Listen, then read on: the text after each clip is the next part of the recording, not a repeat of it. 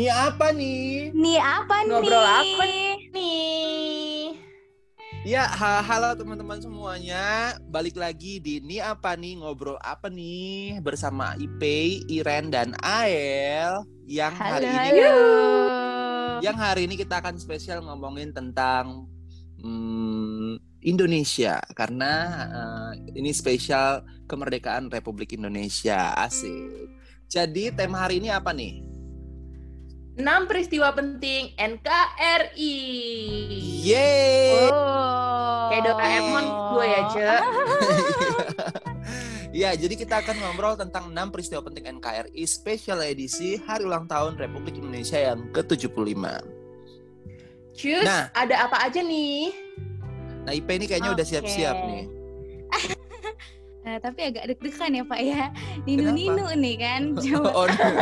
takut, takut, Iya. takut. Cek dulu, Pe. Satpam di sebelah. depan takutnya ada tukang bakso gitu kan lagi mangkal di depan. Lihat dulu ada walkie nggak? Kalau nggak ada nggak apa-apa aman. Oke. Eh, pertama nih dari gue ya. Yoi. Em, mungkin yang akan gue sampaikan ini nih eh, cukup banyak dikenal dan didengar nih mungkin sama kaum eh, atau generasi milenial nggak tahu ya yang generasi Z udah banyak yang eh, apa pernah dengar cerita ini atau enggak mengenai kerusuhan tahun 1998 Mei 1998 ini kan Waduh. jadi kayak Cerita horor apa gimana nih sekarang? eh, Kayak horor. ini ini, ini horor-horor miris gitu loh bu Oh iya, oke, oke, oke. menyayat Lanjut, lanjut. hati gitu loh Gimana iya tuh? jadi ini sebuah peristiwa yang gua rasa sih nggak bakal pernah dilupain sepanjang sejarah Indonesia gitu jadi Jeng, jeng. seperti yang eh, kita sama-sama pernah baca dan belajar sekitar tahun 1996 kan memang ekonomi Indonesia itu tuh eh, mulai terguncang gitu ya tapi bukan cuma Indonesia Asia juga nah ditambah lagi nih. Jadi di eh, tahun-tahun itu kan kita tahu bahwa eh, Soeharto akan dilantik kembali eh, ketujuh kalinya sebagai presiden. Nah lalu eh, di tahun 98 mulailah nih gerakan-gerakan mahasiswa aware kok kayaknya ada yang aneh nih sama pemerintahan kita Sampai tujuh kali. ember kan kok ini kayak nggak bisa digoyang sedap ya kan Dangdutan. Mungkin kurang Iya. dipanggil cita-cita. Atau Kan? kayaknya dia harus pindah ke Majalengka. Majalengka digoyang. Asik. Ah, oke Terus terus terus. Nah iya kan, nah mahasiswa yang gerakan mahasiswa yang pertama kali aware itu memang Trisakti karena saat itu Hmm. posisinya gedung eh, Trisakti itu kan dekat ya sama MPR, bener gak? Mm-mm. Benar kayaknya. Ya kan, ya di daerah Grogol sana lah. Jadi mulailah gerakan mahasiswa ini protes terhadap pemerintah, minta untuk diturunkanlah Bapak Presiden kita yang itu ya. Mm-mm. Nah, cuman ternyata tindakan aparat saat itu tuh represif. Mhm. Eh, adalah empat orang mahasiswa dari Trisakti yang kemudian terbunuh saat itu gitu. Nah, dari kerusuhan eh, Mei eh, yang apa namanya mulai dari gerakan mahasiswa itu protes mengenai mau adanya reformasi ternyata menjadi diangkat isunya tuh isu-isu sara gitu loh. Kan kita tahu tuh tiga hari setelah kejadian eh, apa namanya mahasiswa Trisakti itu terbunuh lalu mulai nih banyak orang-orang yang melakukan penjarahan ke toko-toko ya kan? Terus ke mall. Dan yang paling miris adalah mengenai perempuan-perempuan yang mayoritas etnis Tionghoa kemudian mengalami pemerkosaan. Mm. tuh kalau misalkan kalian baca ya eh, bisa dicari di apa namanya media-media berita bahkan di Google juga ada. Itu tuh eh, ceritanya tuh miris banget bos asli. Maksudnya gue aja tuh yang ngebacanya kayak aduh setega itu gitu loh orang orang-orang itu ngelakuin pemerkosaan itu ke mereka yang nggak tahu apa-apa gitu.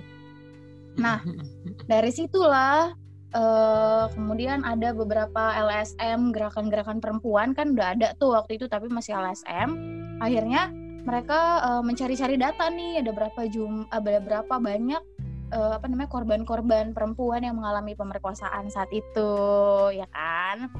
Eh, lalu kalau dari LSM LSM tuh nemuin 100 kurang lebih 152 kasus. Nah terus mereka bawalah itu ke akhirnya kan Soeharto turun tuh digantikan oleh Bapak B.J. Habibie gila sejarah gue hebat banget nggak Nggak, bukan Ya main kan? Terus diganti lah nih sama Bapak B.J. Habibie. Nah, kemudian perempuan dari berbagai LSM itu akhirnya maju ke Bapak eh, B.J. Habibie dengan membawa data itu dan diminta untuk eh, didesak untuk membuat sebuah organisasi yang eh, bertujuan untuk melindungi perempuan. Nah, dari situlah akhirnya muncul yang namanya Komnas, Komnas Perempuan. Gitu. Asya. Eh, Siap. Eh, kira-kira nih ya, menurut eh, kalian berdua, kenapa saat itu perempuan-perempuan Tionghoa atau etnis Tionghoa yang menjadi sasaran dari para pelaku? Siapa duluan? IP dulu, Siapa? Iren dulu Eh, deh. Iren, Iren. Mungkin karena kan kasus eh, kasus atau peristiwa 98 itu kan juga terkenal sebagai eh, bentrok sos eh, bentrok rasial ya, gitu kan. Hmm. Jadi ada kemarahan nih karena yang kayak tadi IP bilang didahului oleh krisis moneter besar-besaran tahun 96 yang mengguncang hampir seluruh negara-negara di dunia, lalu Indonesia juga ikut eh, kena dampaknya yang sangat luar biasa ya kan, PHK di mana-mana. Lalu saat itu eh, etnis Tionghoa itu menjadi etnis yang paling gampang nih jadi sasaran. Ya nggak apa-apa semua disalahinnya ke Cina. Ya kan dianggapnya oh mereka pendatang, mereka yang ngambil eh, pekerjaan atau lahan padahal eh, mereka sendiri mau masuk PNS, kedokteran tuh sangat sa- waktu itu sangat susah gitu, bahkan mustahil bisa terjadi gitu kan. Nah, terus ya mungkin kalau analisa eh, analisa gue ya mereka menjadi menjadi korban paling empuk gitu saat itu gitu. Makanya kemudian para perempuan eh, etnis Tionghoa kemudian ditangkepin rumah-rumah mereka dibakar bahkan keluarga mereka ada yang dibunuh gitu kan. Terus eh, tokoh-tokoh mereka juga semuanya habis dijarah dan tersisa nih para perempuan eh, para perempuan-perempuan ini. Dan mereka kemudian menjadi korban eh, kekerasan yang terakhir tapi juga yang paling sadis gitu ya dan Hmm. sampai dan sampai sekarang juga kasusnya kan masih Masih Eh, terus berlangsung ya. ya. belum ada keadilan juga kan buat mereka. Ayah lah, Ya, eh, eh, ya kalau aku sih ya sebenarnya kurang lebih sama bagaimana kemudian eh, krisis dianggap sebagai sesuatu yang disebab di, harus dicari siapa penyebabnya gitu kan. Kemudian eh, orang secara gampang eh, berpikir bahwa oh ini kalau aku eh, kok aku miskin tapi kok teman-teman Tionghoa bisa berjualan dengan enak dan apa dan akhirnya mereka melampiaskan padahal eh, sebenarnya sama-sama aja kena dampak ada banyak toko-toko yang juga tutup ya kan pada saat itu Mm-mm. eh, karena diakibatkan oleh krisis yang nggak cuma terjadi di Indonesia tapi juga eh, terjadi di berbagai negara khususnya juga di eh, kawasan Asia kayak gitu. Nah eh, kemudian secara ya masyarakat umum tuh kemudian menganggap bahwa ini pembalasan itu bisa dilakukan dengan cara pemerkosaan. Karena kayak kita tahu kan pemerkosaan itu eh, apa namanya bentuk dari dia sebenarnya bukan karena dia menyukai tapi bentuk penindasan bentuk eh, apa namanya bentuk eh, eh, menunjukkan bahwa seseorang itu eh, berada di atas kua- eh, memiliki kuasa atas tubuh orang lain. Dan itu jadi eh, apa aktivitas yang paling simbol terbesar untuk menunjukkan bahwa oke gue berkuasa atas lu dan kaum kaum lu dengan dengan dengan uh, orang-orang lu gitu your apa your people gitu kan. Ini kan juga terjadi di berbagai uh, situasi dan kasus ketika perang ya kan. Kayak perang itu kemudian pasti ada pemerkosaan di, di masa itu. Nah itu cara berpikir itu yang kemudian diaplikasikan dalam konteks pada waktu itu dan totally yang sudah pasti kita tahu itu sesuatu yang sangat salah dan buruk dan ya itu mungkin ke depan Indonesia nggak akan melakukan dan tidak akan terjadi peristiwa-peristiwa seperti itu. Ya, betul banget. Amin ya. Makanya harapannya semoga eh, apa namanya kasus Mm-mm. ini bisa eh, apa mendapatkan keadilan hukum ya karena emang sampai saat ini tuh masih belum ada prosesnya dan dia tuh mandek banget gitu. Bahkan Betul. uh, ada sebuah kisah miris yang salah seorang korban uh, di tahun itu yang tadinya dia mau wawancara nih memberikan kesaksian ke PBB ternyata beberapa hari sebelum keberangkatannya ternyata dia ditemukan sudah meninggal dunia gitu. Jadi Sejarah ini kayaknya ya, nggak bakal pernah dan jangan sampai dilupain sih, ya kan? Sama generasi-generasi setelahnya tuh harus tetap diingat bahwa Indonesia pernah sekacau itu gitu. Tapi ya terus dalam uh, proses perbaikan. Oke, Amin, ngomong-ngomong amin, sejak amin. Mumpung ini sekacau itu ya kan. Iya. Palin nih ya. Ya kan? ada yang lebih kacau atau gimana? Coba Mama Dede dijelaskan. ini tuh ceritanya kita mau mer- apa mer- memperingati kemerdekaan tapi kita mau ulik-ulik dulu ya kan karena Mm-mm. segala sesuatu itu misal, meskipun peristiwa pahit itu nggak bisa dilupakan kan jadi itu harus di Mhm. di di di- diletakkan di atas meja sehingga ketika ketika kita merayakan uh, ulang tahun dan perayaan kemerdekaan kita mengingat bahwa ya ini peristiwa yang uh, peristiwa yang menjadi sejarah bangsa kita dan apa yang mau kita lakukan yaitu belajar dari situ supaya ke depan kita nggak mengalami hal yang sama lagi. Kira-kira seperti itu kan? Nah Yup. speaking of that kita mau uh, aku mau sharing yang kedua. Enam peristiwa penting sejarah NKRI yang nomor dua adalah tentang eh, gerakan 30 September nih. Oh, Ada Ninu, tukang bakso Ninu. nggak? Tukang bakso ada nggak? Ini nih, ini, wah, Tukang kita bakso coba cek, cek. Ini kalau Ninu Ninunya satu ya kan yang pasnya IP. Nah, yang ini Ninu Ninunya kayaknya tujuh kompi kayaknya ya. Bukan kan? main. gue takut-takut tukang bakso depan rumah gue. Ayo, El. nanti setelah setelah rekaman ini mungkin lo harus meninggalkan surat wasiat gitu kan. Kalau saya tiba-tiba tidak ada. Oke, tapi aku udah membulatkan eh, tekad kan mau sharing. Namanya juga Oke. sharing-sharing ya kan. Ah, Nah, ah. eh, aku mau ngangkat tentang jadi tuh pasti teman-teman pada tahu dong eh, film yang seberap- berpuluh-puluh tahun itu diputar tentang eh, pengkhianatan eh, G30 SPKI ya kan, S eh, strip. PKI ya kan, yang tiap eh, tanggal 30 September itu eh, eh, suka ditonton ya kan. Ber- eh, aku aku Hmm. kurang ingat deh eh, terakhir tuh kapan, tapi itu berpuluh-puluh tahun itu di- ditonton sebagai eh, apa namanya? Aku nggak tahu entertaining atau supaya mereka eh, supaya kita juga bisa mengingat atau seperti apa. Nah tapi dari film itu kita bisa eh, apa namanya? Kayak mengira-ngira oh sejarahnya itu seperti apa? Kira-kira dari dari dari dari video itu kan film itu. Nah dalam cerita itu kan kita familiar tentang peristiwa-peristiwa ini. Misalnya enam orang jenderal dan satu ajudan yang dibunuh tanggal 30 September tahun 65 yang eh, menjadi eh, jenderal-jenderal itu jadi ini ya eh, pahlawan re- revolusi pada saat itu Eh, dan sampai sekarang. Nah kemudian juga eh, dijelaskan pembunuhnya adalah Partai Komunis Indonesia, ya kan, PKI. Kemudian juga eh, eh, pada 1 Oktober 65 eh, Mejen Soeharto menumpas PKI dan menemukan lubang tempat dikuburnya para pahlawan revolusi yang disebut lubang buaya. Kayaknya dekat rumah IP nggak sih ya? Deket rumah gue. Dekat rumah elu ya kan? Ember. Nah ini eh, kemudian Soeharto eh, besoknya eh, ya kan September tuh 30 kan? Iya betul. Iya benar. Aku lagi ngitung-ngitung pakai jari tangan ya kan. Iya 30. Jadi besoknya kemudian langsung ditemuin. Menarik ya, keren banget. Eh ini aja eh, apa? Pelaku eh, penyiraman eh, KPK aja lama gitu nam ketemunya. Ini cepet banget ya kan. Cenayangnya Hebat. kuat, Em.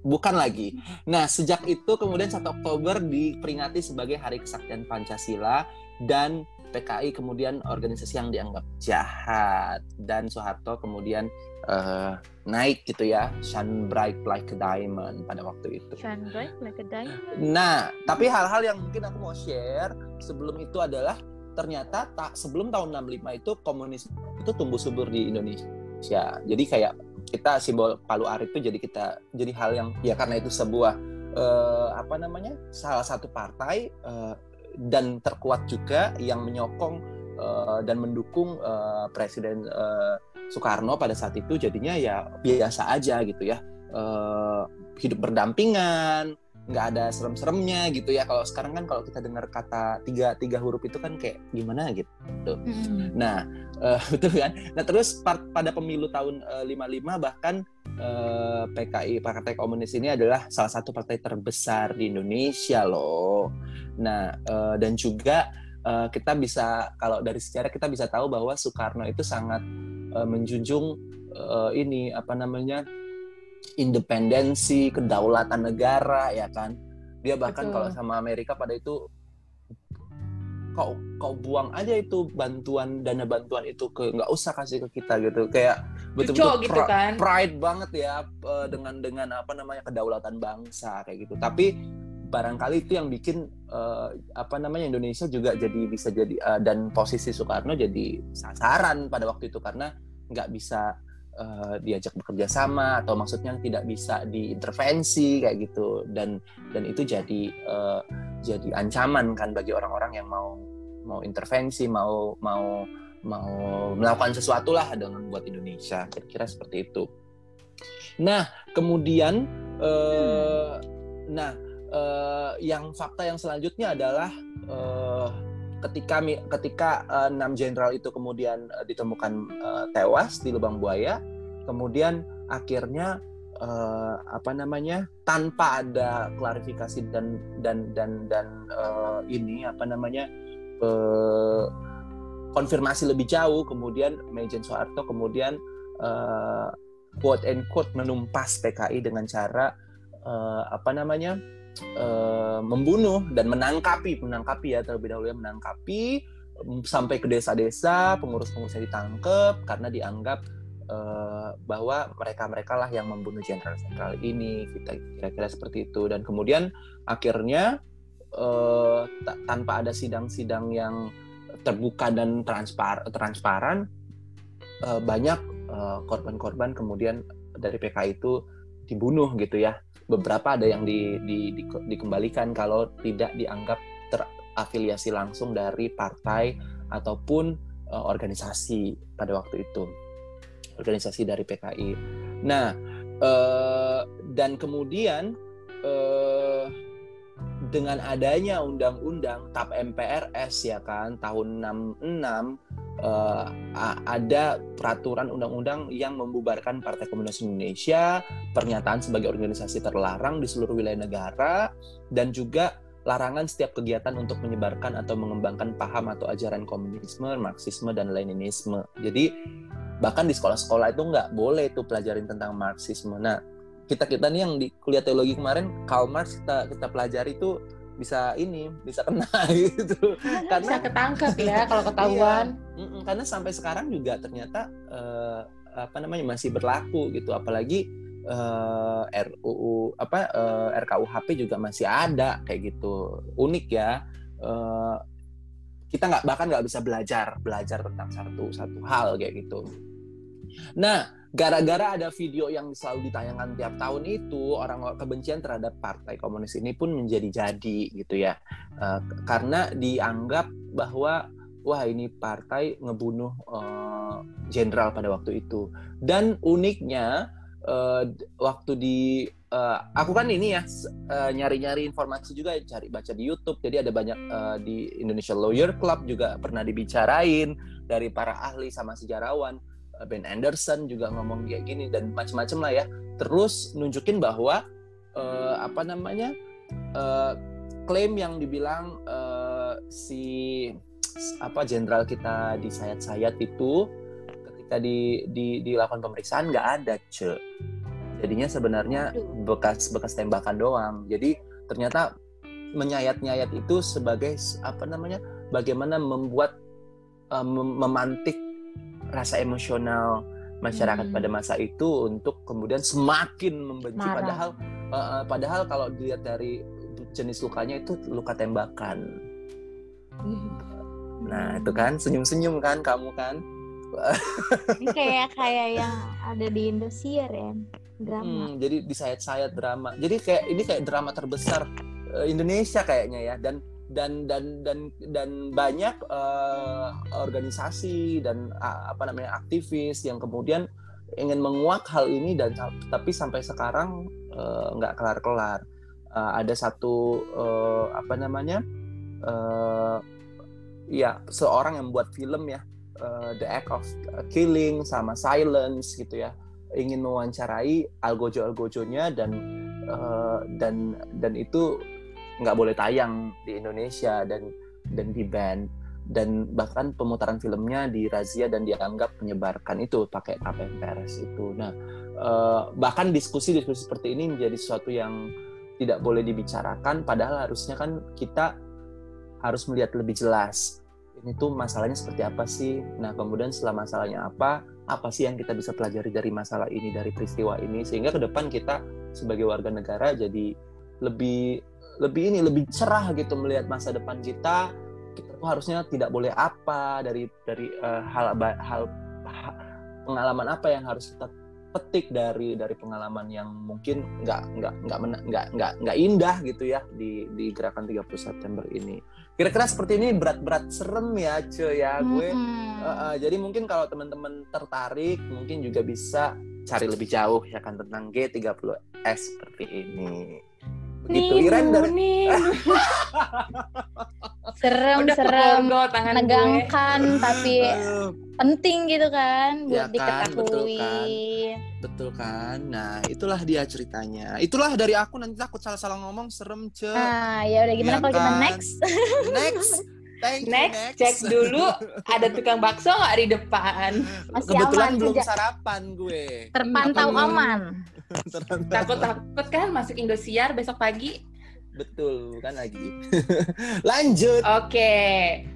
Kalau tadi nih udah bicara soal uh, krisis 98 atau kerusuhan 98, terus uh, lanjut lagi ke 30S, terus apakah kemudian Indonesia saat ini ya kan di tahun yang milenial ini sudah lebih baik?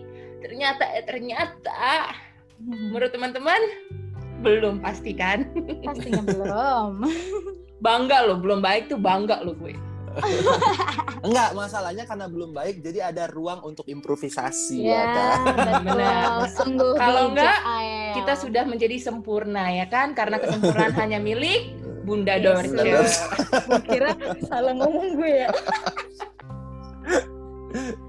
Oke, di tahun 2016 kemarin nih, ya kan, kalau ada yang masih ingat, pasti dong masih ingat gitu ya, karena itu menjadi uh, perbincangan hampir di seluruh uh, media dunia gitu ya. Mm -hmm.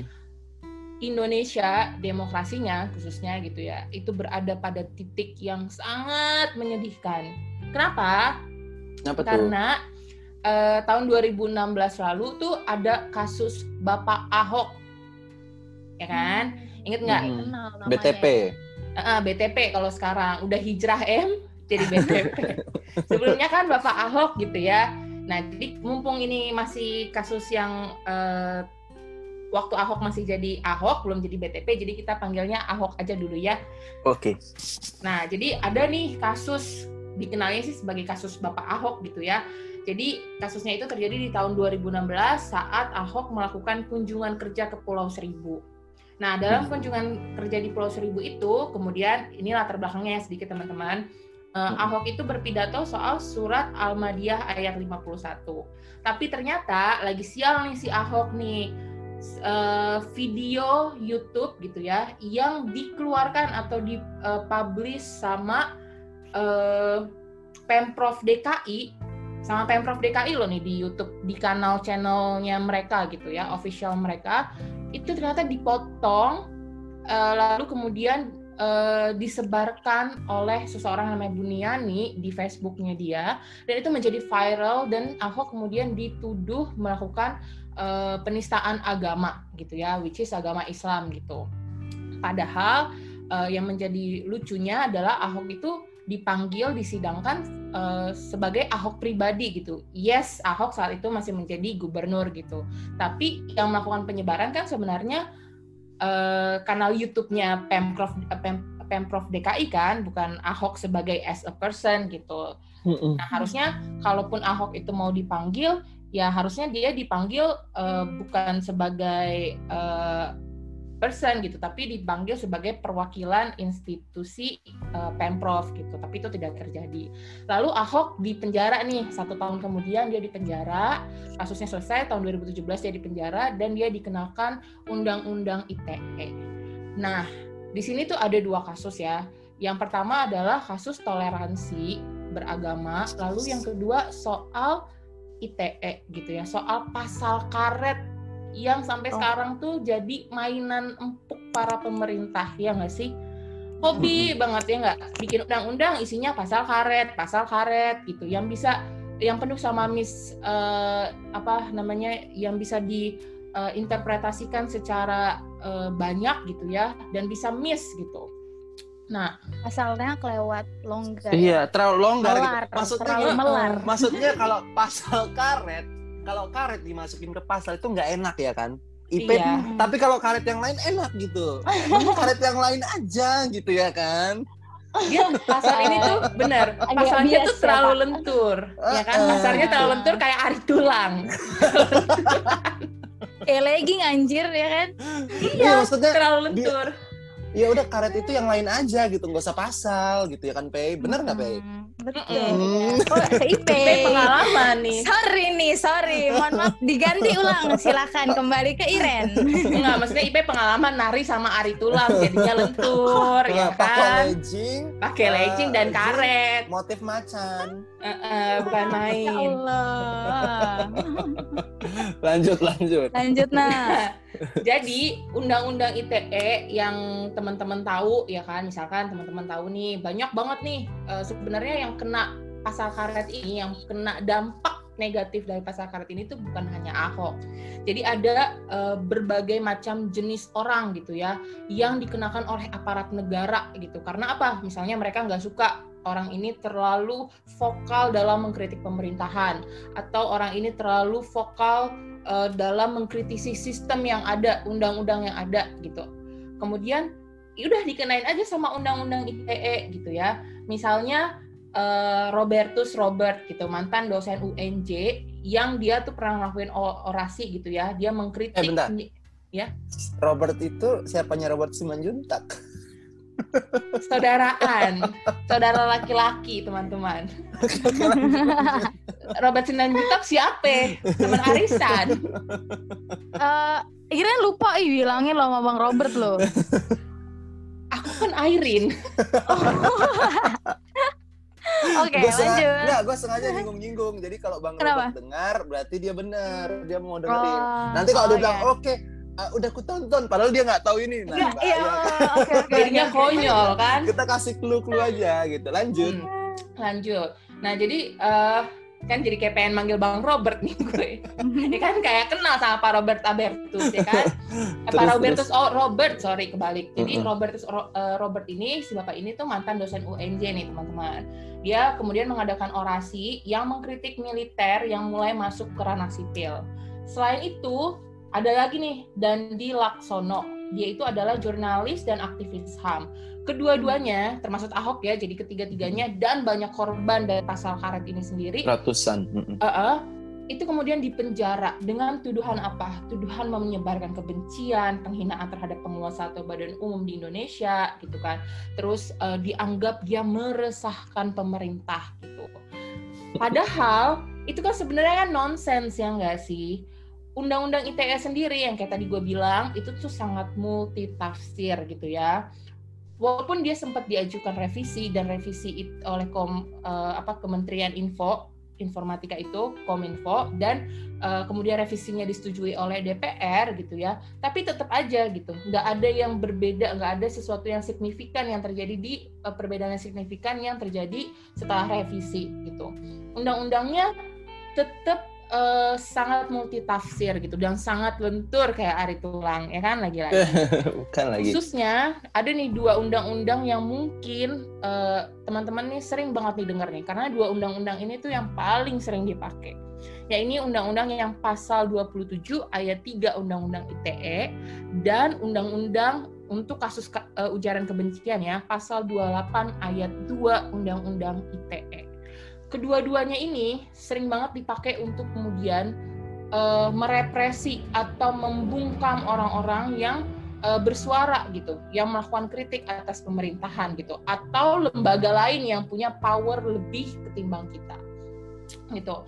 Lalu eh, undang-undang ini tuh misalnya gini, eh, personnya gitu, orang yang misalnya gue ngomong nih gue melakukan cuitan gitu ya di Twitter gitu, kayak Pak Dandi Mm-mm. Laksono kan dia sebenarnya tu- dia cuma nge-tweet doang nih soal Papua di Twitter gitu kan. Lalu sama uh, Intel gitu ya atau siapa pun itu kemudian dilihat terus dia dianggap ini kayaknya bisa membahayakan nih. Padahal nggak sama sekali gitu. Padahal kalau dilihat cuitannya positif banget gitu kan kalau teman-teman buka Twitternya. Tapi again gitu. Jadi yang di yang dipermasalahkan tuh bukan isinya tapi ketakutan-ketakutan gitu yang mungkin uh, jadi ketakutan-ketakutan pemerintah atau lembaga-lembaga besar itu mungkin nanti nama nama baik mereka akan buruk. Mungkin ini akan menggiring opini publik. Padahal nggak sama sekali gitu kan. Dan yang lebih parahnya lagi adalah pengaplikasian undang-undang ITE ini tuh sangat nggak profesional. Kenapa? Misalnya gini, uh, lo kena nih undang-undang ITE, lalu lo dimasukin dong ke court gitu kan. Di persidangan kemudian tidak ditampilkan nih orang-orang yang memang berkompeten untuk menganalisis kata-kata lu gitu. Misalnya kayak kata-katanya uh, Bapak Ahok gitu ya soal uh, surat Al-Maidah itu ayat 51. Tapi nggak nggak dimasukin kan orang-orang yang benar-benar berkompeten gitu untuk menganalisis tafsir surat Al-Maidah yang dilakukan oleh Ahok gitu.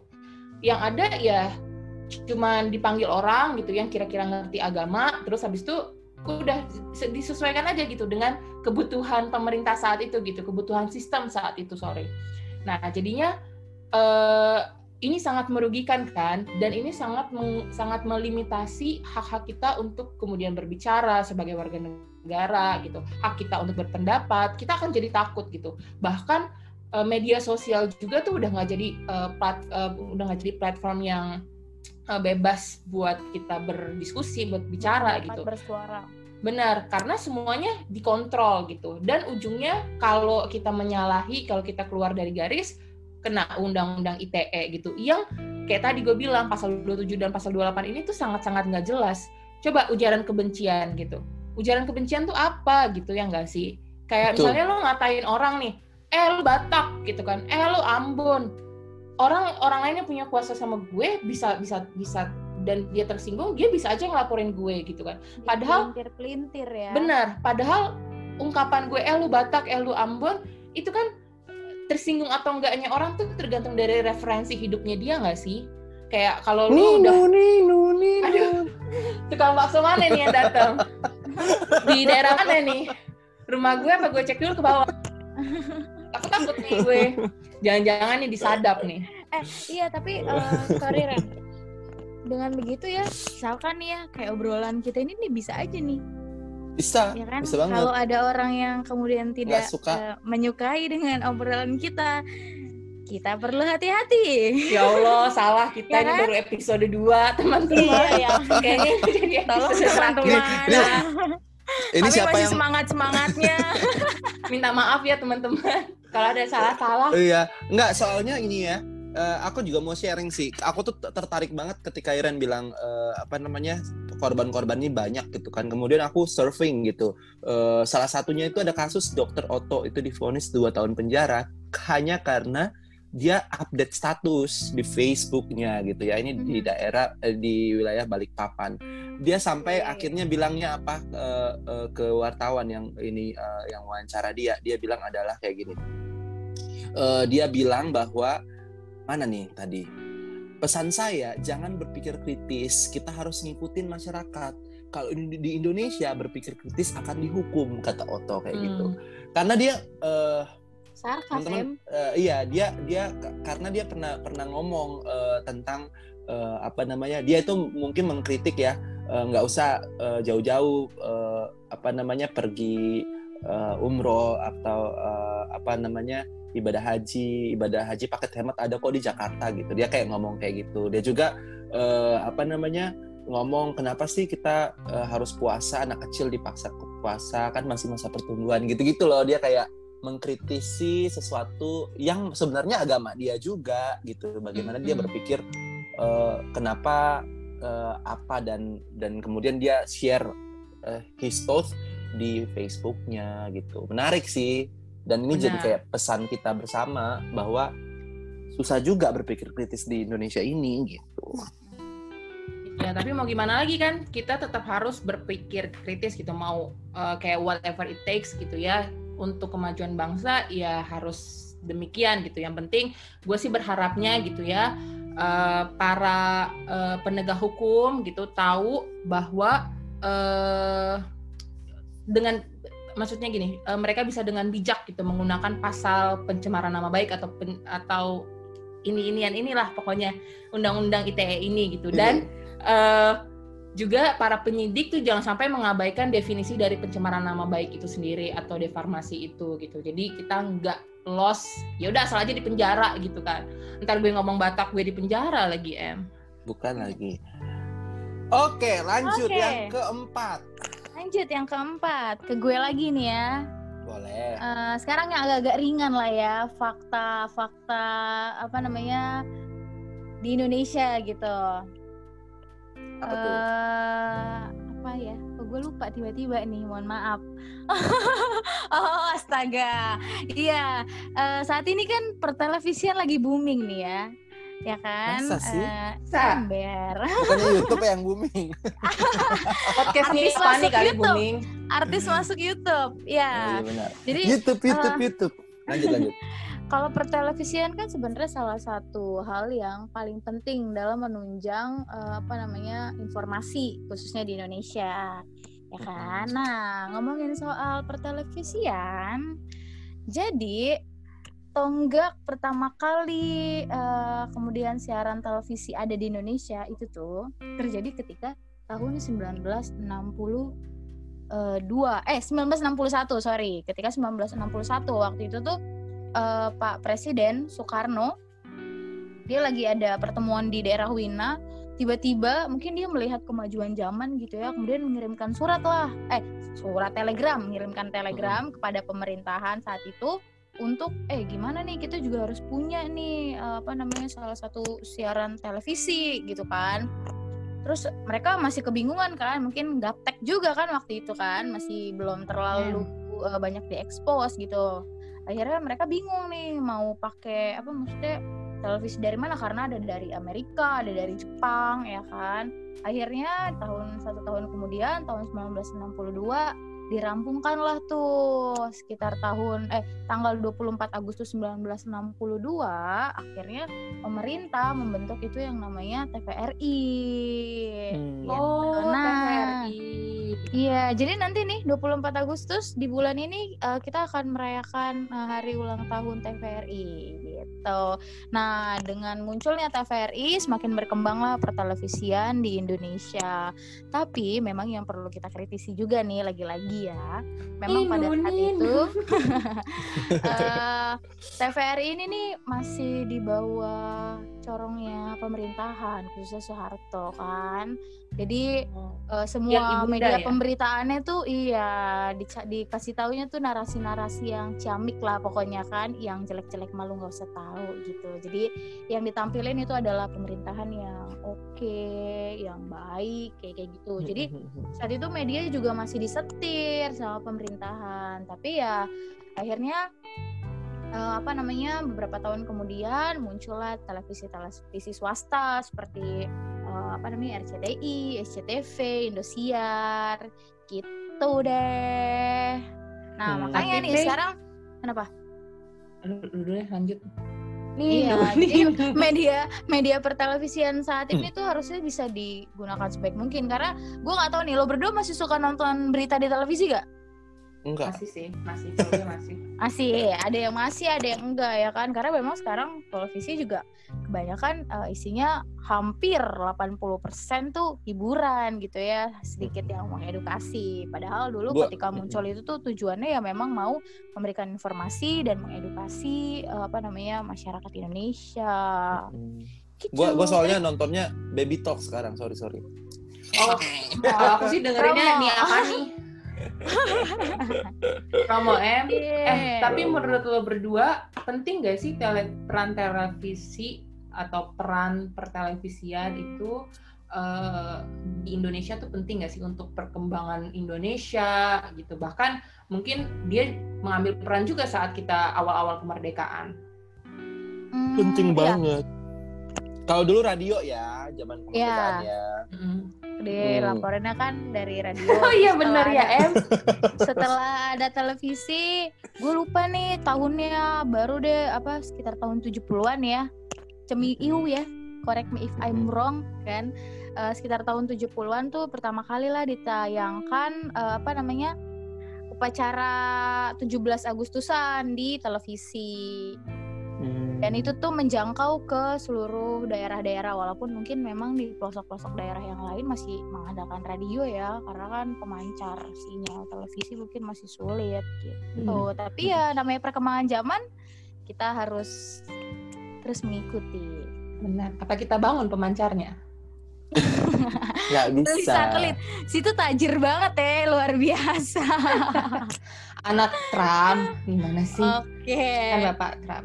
Eh tapi by the way ngomong-ngomong soal televisi tadi bener banget tuh kata IP. Kalau zaman dulu kan uh, eh, TVRI itu bener-bener di bawah ketiak Soeharto ya. Kayak kita cuma tahu Indonesia itu ya Jawa doang gitu. Hmm. Ya lu tinggal di Manado juga isinya Jawa gitu kan. Jadinya uh, agak susah gitu mau bicara soal Indonesia gitu saat itu. Tapi kalau dilihat sekarang juga kayaknya nggak beda-beda jauh sih teman-teman. Maksudnya uh, perhatiin deh uh, orang-orang yang punya uh, pertelevisian ini ya, owner-owner uh, bos-bos ini gitu yang yang punya stasiun-stasiun TV itu rata-rata punya kepentingan politik gitu ya enggak. Nama besar-besar nama besar-besar tuh kita uh, tahu dia pemimpin uh, partai gitu kan, mulai dari partai Nasikom gitu kan. ini di tahun kapan? Ini kita time traveler apa ini? Maksudnya Nasdem. Tapi itu mau gue plesetin jadi nggak lucu ya. gue kira beneran ada dong Nasikom. Sedikit lagi, hampir berhasil. jadi gue mau bilang Magicom tapi kayak ada jauh banget kan. ya udahlah sebut aja ya kayak Nasdem, terus apa sih? Uh, TV One gitu apa sih Golkar gitu kan punya punyanya Abu Abu Rizal Bakri gitu kan. Eh kalau yang punya MNC siapa sih? Ini si siapa? Bukan Haritano. gue serius. Haritano itu. Bukan yeah, gue yeah. bukan gue beneran. Serius dah. Nah itu kan lu lihat gak sih beritanya tuh semuanya tuh diatur gitu kayak tergantung lu pro-nya ke mana gitu. Lu pro pemerintah ya berita lu semua happy happy tentang pemerintah gitu kan. Kalaupun ada yang gak happy uh, akan dibalut sedemikian rupa uh, gimana caranya untuk membela gitu. Kalau lu anti pemerintah, isinya semuanya kritik terus yang dikerjakan pemerintah secara baik nggak pernah diapresiasi gitu. Jadi semuanya jadi kayak diatur gitu. Jadi gue ya, kadang-kadang sabar, sabar, sabar, sabar, sabar, sabar, oh, mau berantem, sorry, sorry Ren, sorry Ren, minta sorry. maaf buat Ren. maaf banget Ren. Tolong dong ambilin gue pay. obat, obat gue tolong dong. Jam segini em harus minum obat sabar. aja kan? Sabar ya sabar. Nino Nino. Ini kayaknya banyak ini ya Nino Nino ya di perbincangan kita pada saat ini episode kali ini ya. Ini kan episode terakhir kan? Jangan dong. Oke fakta kelima. Uh, lima. yang kelima yang kelima gue lagi kan ngomong nih.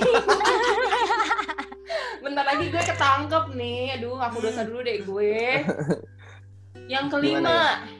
coba lu pikir menurut lo siapa aja nih para pahlawan kita waktu kemerdekaan? Pasti orang-orang ngomongnya siapa?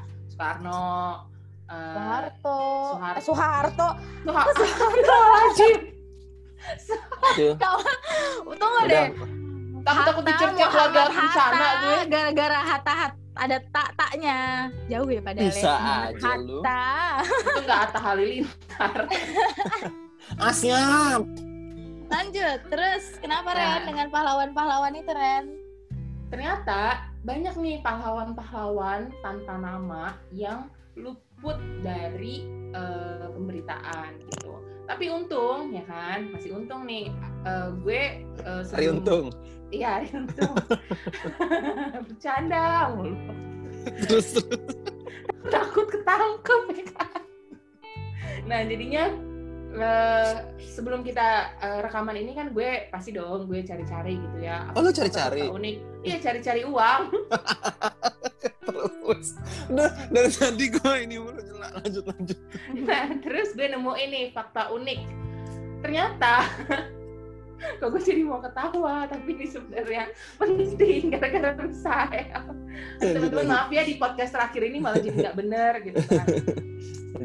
Ternyata ada uh, seseorang gitu ya uh, yang dijuluki sebagai si putih. Ini bukan cerita. Ini kok jadi cerita mistis ya kan? Penuh, penuh, Nomor penuh misteri. Satu sama nomor 5 jadi cerita mistis.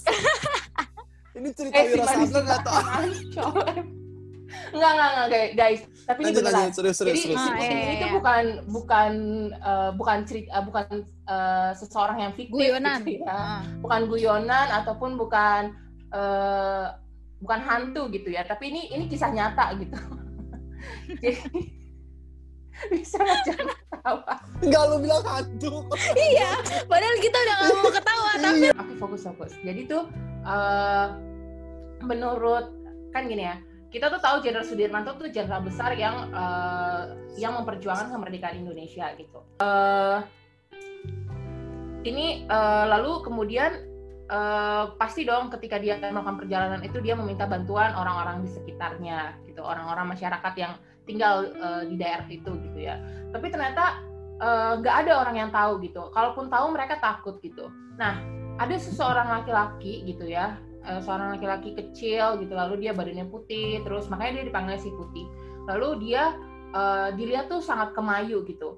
Ini gue berdasarkan cerita dari eh, cerita yang ditulis gitu ya sama Kapten Cokro eh, Pranolo gitu pada 24 Januari 1949 malam gitu ya. Kemudian Jenderal Sudirman tuh memutuskan jalan nih dari desa Jambu menuju Warung Bung gitu.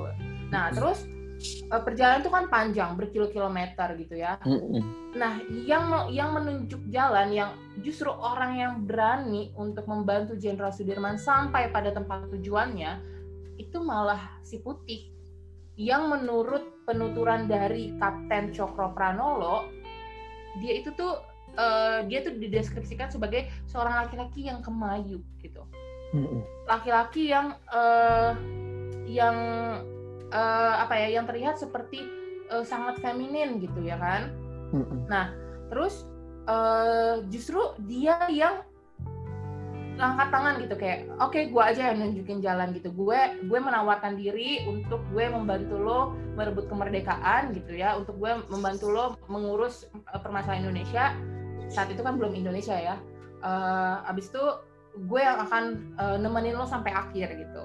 Nah selain kisah si putih yang kita lupakan ya yang ternyata oh orang-orang yang selama ini kita marginalkan dia tuh be- memberikan peran besar gitu ya ada juga nih kalau teman-teman tahu Bunda Mayora ada yang tahu ada yang Hmm. kenal Bunda Mayora atau aku mungkin belum kenal eh enggak Kenal. tahu iya Nah, Bunda Mayora itu eh, dia itu tuh adalah seorang transpuan Katolik, ya kan? Dia tuh mantan bruder loh teman-teman. Nah, Hmm. nama Bunda Mayora sendiri tuh eh, namanya Hendrika Mayora Victoria gitu. Nah, eh, itu nama dia sekarang ya. Kenapa dia menjadi? Eh, kenapa gue mau ngangkat dia? Karena Bunda Mayora ini, ini yang gue salut sih dari Indonesia saat ini gitu ya. Maksudnya tapi nggak Indonesia secara keseluruhan ya, karena nggak semua orang begini gitu. Dia itu menjadi pejabat publik pertama yang transgender.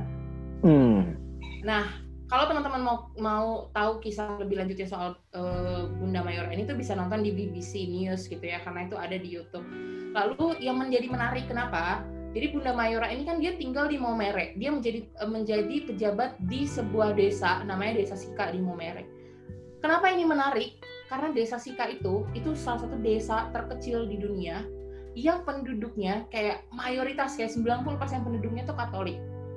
Dan kita tahu gitu ya bagi eh, posisi Katolik terhadap eh, isu transgender ini gitu. Tapi dia bisa terpilih.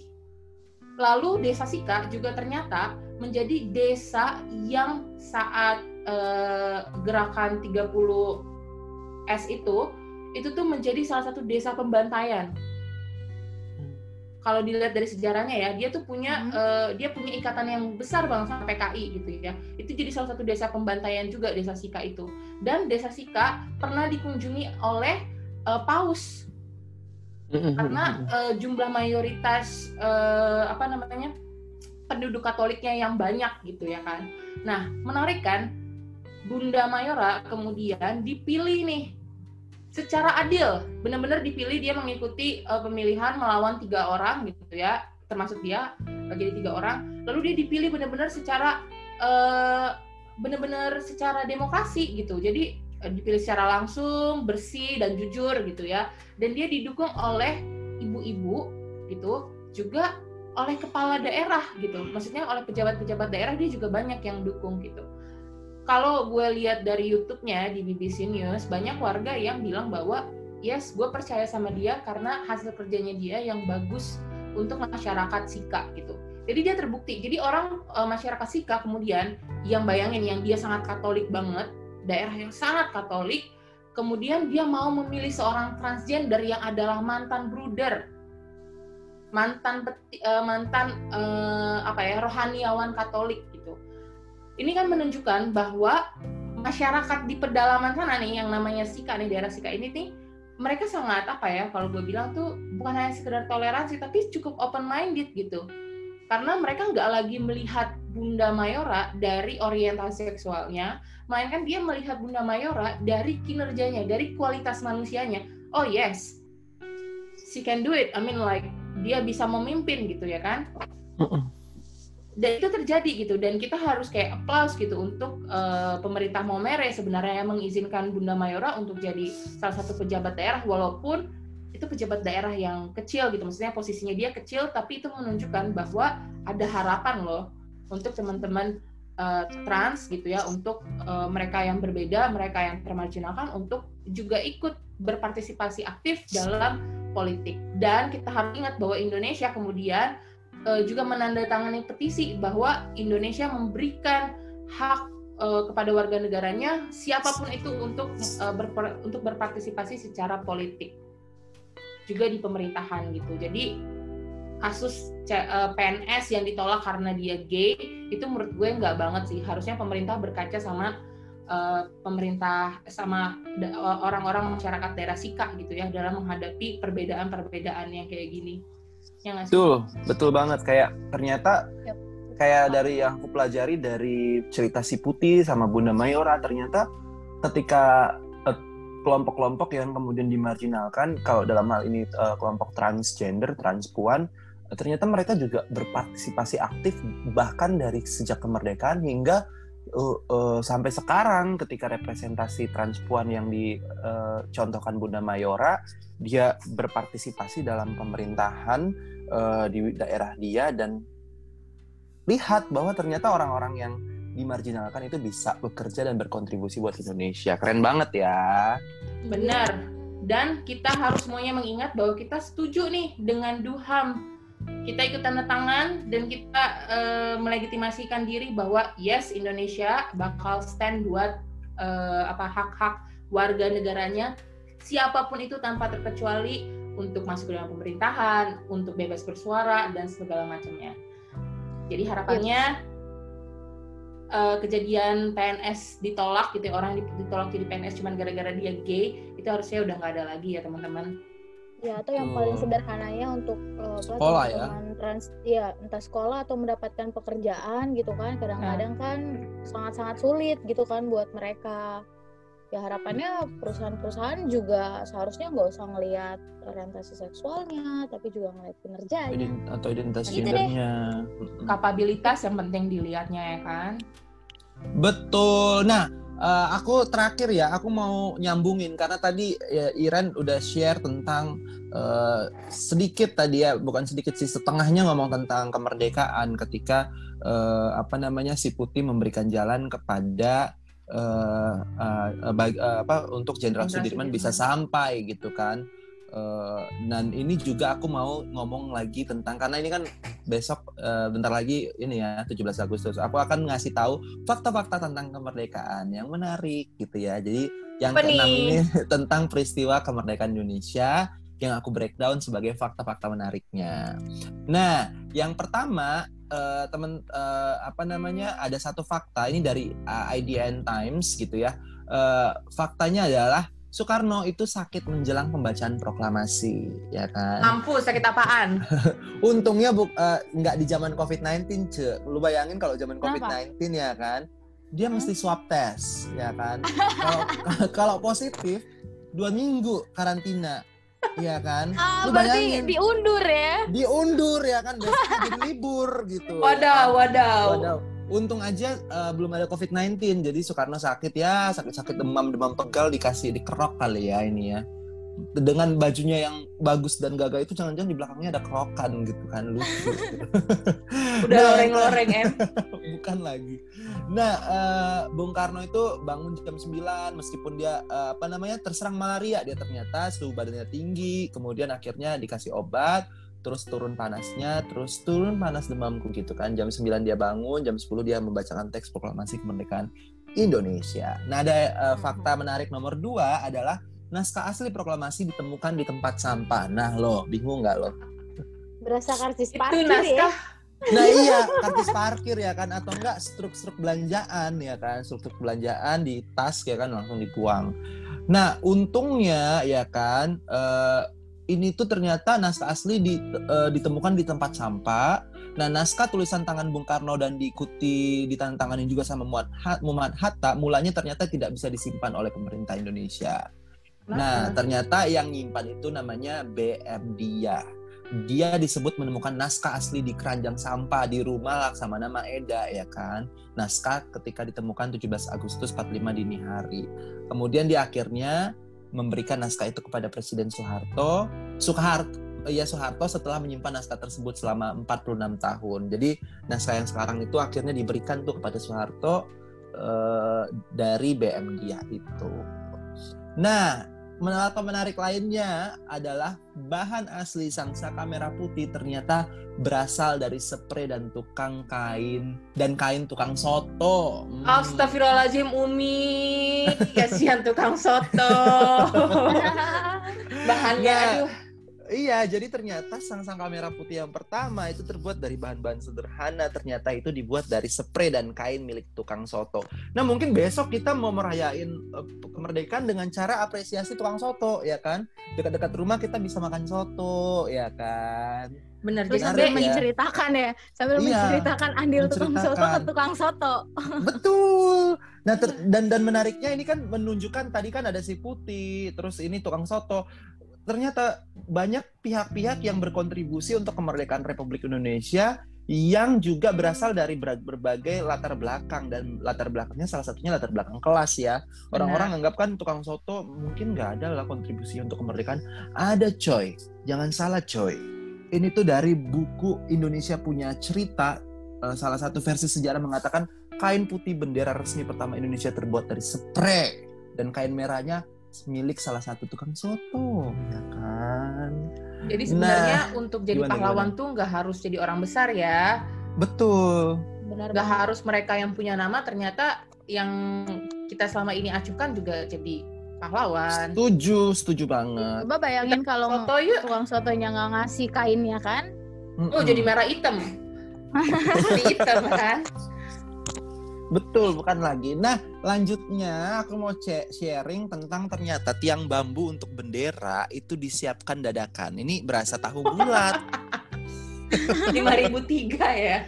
Ya kan, digoreng dadakan. Nah, ternyata tiang bambu untuk menggerek dan mengibarkan sang-sang kamera putih itu disiapkan hanya beberapa menit sebelum pembacaan teks proklamasi. Dan digunakan adalah tiang bambu yang disiapkan oleh uh, barisan pelopor yang dipimpin oleh komandan peta gitu ya. Uh, ucap jadi tuh mungkin bayang yang aku bisa imajinasiin uh, karena kan kita memang pengen segera ya kan memproklamis memproklamirkan dan claim gitu ya uh, bicara bahwa kemerdekaan Indonesia itu uh, sekarang gitu ya. Uh, apa namanya? Warga negara itu pada saat itu tuh pengen segera merdeka gitu. Jadi itu segala sesuatu itu dibuat dengan uh, sangat cepat dan dadakan. Kira-kira seperti itu. Kamu bulat itu inspirasinya dari ini gue rasa nih. Nah iya benar dan dadakan. Dan dadakan ya kan panas-panas lima ratusan. nah terus uh, yang terakhir aku mau sharing yang menarik adalah fakta menariknya adalah jeng jeng jeng jeng ternyata itu adalah uh, pembacaan teks proklamasi ya kan teman-teman ingat nggak sih kalau di buku sejarah tuh ada Suha, Sukar Soekarno baca eh, di depan di belakangnya ada rame-rame kan orang kan. Kemudian Iya, di iya. depannya dia baca nunduk gitu, ada mikrofon ya kan. Mikrofonnya kayak Hmm. mikrofon Indonesian Idol, ingat gak sih? Yang kayak Tahu, bulat-bulat kayak gitu ya iya, kan. iya. Nah, tapi ini agak-agak kotak dikit. Nah, pembacaan teks proklamasi itu ternyata menggunakan hasil dari mikrofon curian dari Jepang. Mampus nggak? nyebut, nyebut, nyebut. Iya kan? Tapi nggak apa-apa El. Masih Ah. penting dari Jepang, curian. Heeh, Coba heeh. lu kebayang kalau mikrofonnya mikrofon pelunas hutang. Gimana ini? Yang ade di belakangnya tuh kan rame-rame tuh di foto ya kan? Itu kan mukanya agak-agak agak-agak semangat gitu ya, agak-agak gini. Kalau mikrofon pelunas utang yang ada nangis di bawah sendu. Setelah itu banyak ini ya, banyak penagih utang. iya Aduh. gitu. Dan juga eh, nggak eh, ketika upacara peringatan Hari Kemerdekaan Republik Indonesia yang pertama kali ya kan itu dilakukan dengan sangat sederhana. Kemudian itu di Taman Prokla eh, di ini ya di di apa namanya? Eh, proklamasi ya dekat kampus Tugu kita proklamasi, ya. Tugu proklamasi ya. Nah, eh, kemudian itu tuh tanpa adanya musik, tanpa protokol khusus bahkan tiang bendera yang tadi itu kan pakai eh, apa batang bambu gitu. Juga bahkan mikrofon itu digunakan Bung Karno itu berasal dari curian dari stasiun radio milik Jepang. Kreatif Indonesia ini ya mulai dari mulai dari sejarah pertamanya aja kreatif banget gitu loh. A- antara kreatif sama hmm gitu ya kan. Miris. Hmm, menghalalkan segala cara. Ya nggak apa-apa lah gitu karena Yang kan penting merdeka Gitu. em. yang penting merdeka dulu gitu Kalau ya enggak kan. bukan 17 Agustus besok kita nggak libur. Ah, betul. Hmm. Nah itu aja yang mau aku sampaikan. Tapi eh, mungkin kalau dari teman-teman nanti bisa sharing ya pembelajaran apa sih yang dipelajari dari sejarah-sejarah yang kita sampaikan peristiwa-peristiwa penting ini. Kalau dari aku sih ternyata selama 75 tahun ini itu ada banyak hal-hal yang pahit, manis, eh, suka duka yang kita alami dan itu that's our own history gitu ya. Jadi itu punya sejarah punya kita gitu ya nggak apa-apa gitu nggak selamanya manis gitu tapi yang penting kita mengingat sejarah belajar dari itu dan kemudian jadi lebih baik lagi dan kontribusi untuk Indonesia jadi lebih baik itu dari amin aku Umi, amin Umi. Ya, agree Dari sekali sama Ipe, Ipe. Gimana Ipe? Kalau dari gue sih yang pasti jangan sampai kita melupakan sejarah ya. Mm-mm. Ah, penting banget untuk kita saat ini belajar sejarah. Eh, terus ya paling perhatian-perhatian gue adalah pada kasus-kasus HAM saat ini sih. Gimana kita saat ini sebagai generasi muda khususnya gitu ya tetap menyuarakan mengenai hal itu supaya generasi-generasi selanjutnya juga eh, tetap tahu tentang edukasi kasus-kasus HAM di Indonesia jadi nggak mudah dilupakan. Paling itu sih. menolak lupa ya em. setuju setuju setuju Ya, menolak lupa Iren. benar. Kalau gue dari obrolan kita gitu ya mengenai eh, kemerdekaan Indonesia ini 75 tahun, gue di sini belajar bahwa ternyata kita punya banyak PR, say. Dan PR itu bukan hanya PR pemerintah, tapi PR kita bersama untuk menuntaskan ketidakadilan yang terjadi di masa lampau, masa sekarang, dan mencegah itu untuk terjadi di masa depan gitu. Jadi untuk kaum muda, walaupun kita masih muda, bukan berarti kita nggak punya peran nih gitu, tapi justru kita memegang peran paling besar kan. Oleh karena itu peka gitu ya terhadap eh, isu-isu sosial, terhadap eh, apa ketidakadilan sosial yang ada di sekitar kita, juga sejarah-sejarah ini tuh bukan hanya tidak kita lupakan tapi juga harus kita benahi gitu. Jadi PR kita harus kita selesaikan. Banyak PR kita ya. Iya, totally agree banget sama teman-teman semua.